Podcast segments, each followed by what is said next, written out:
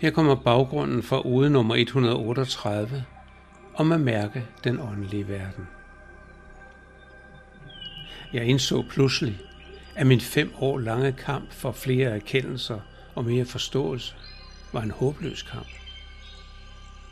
Der manglede både hjernekapacitet og tid til at komme bare marginalt videre af den vej. Til gengæld viste min intuition mig en ny vej.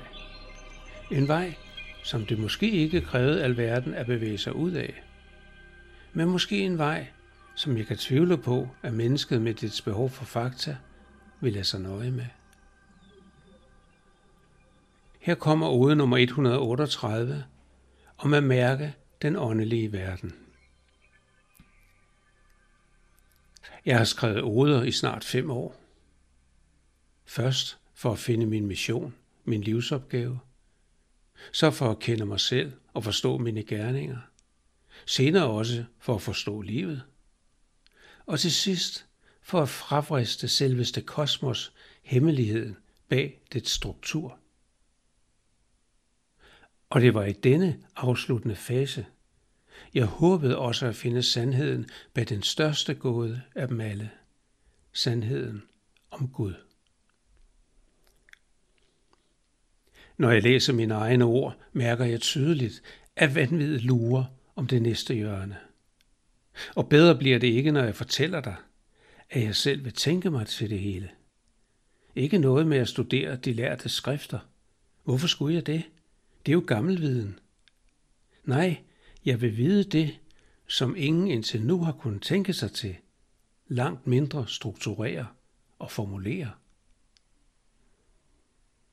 Som forsvar for min mentale sundhed må jeg på dette sted lige indskyde, at jeg ikke på noget tidspunkt har troet, at jeg ville nå målet og få svaret.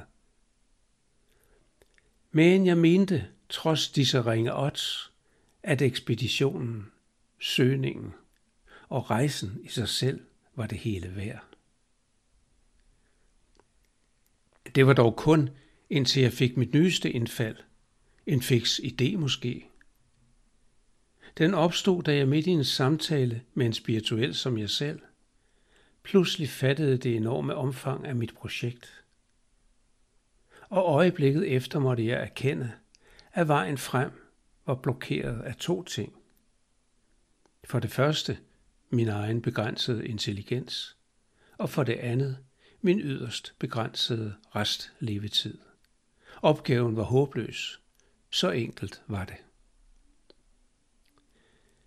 Ikke desto mindre boblede hver eneste celle i min hjerne af kampgejst og virkelyst. Og med lysets hastighed samlede den viden og oplevelser overalt i mit indre.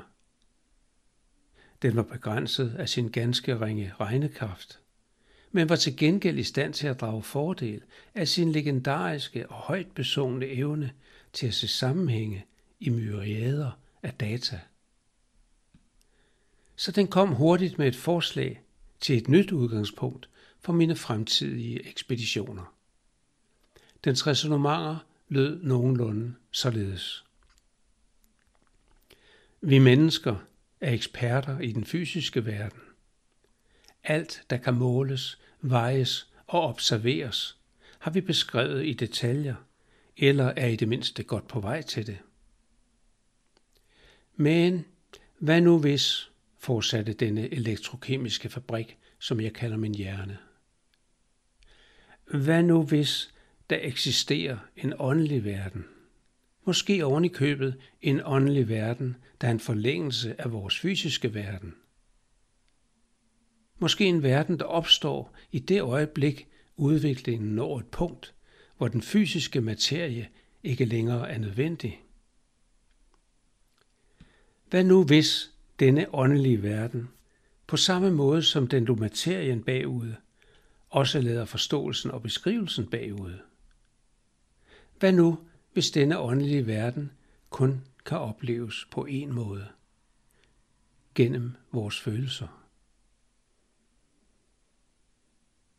Jeg læner mig tilbage, smilende og stolt over min fantastiske hjerne og dens intuitive evner.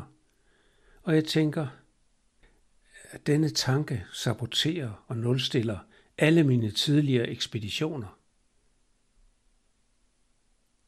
Alt det, jeg har foretaget mig indtil nu, har kun været hjernetræning, kun en række indledende øvelser.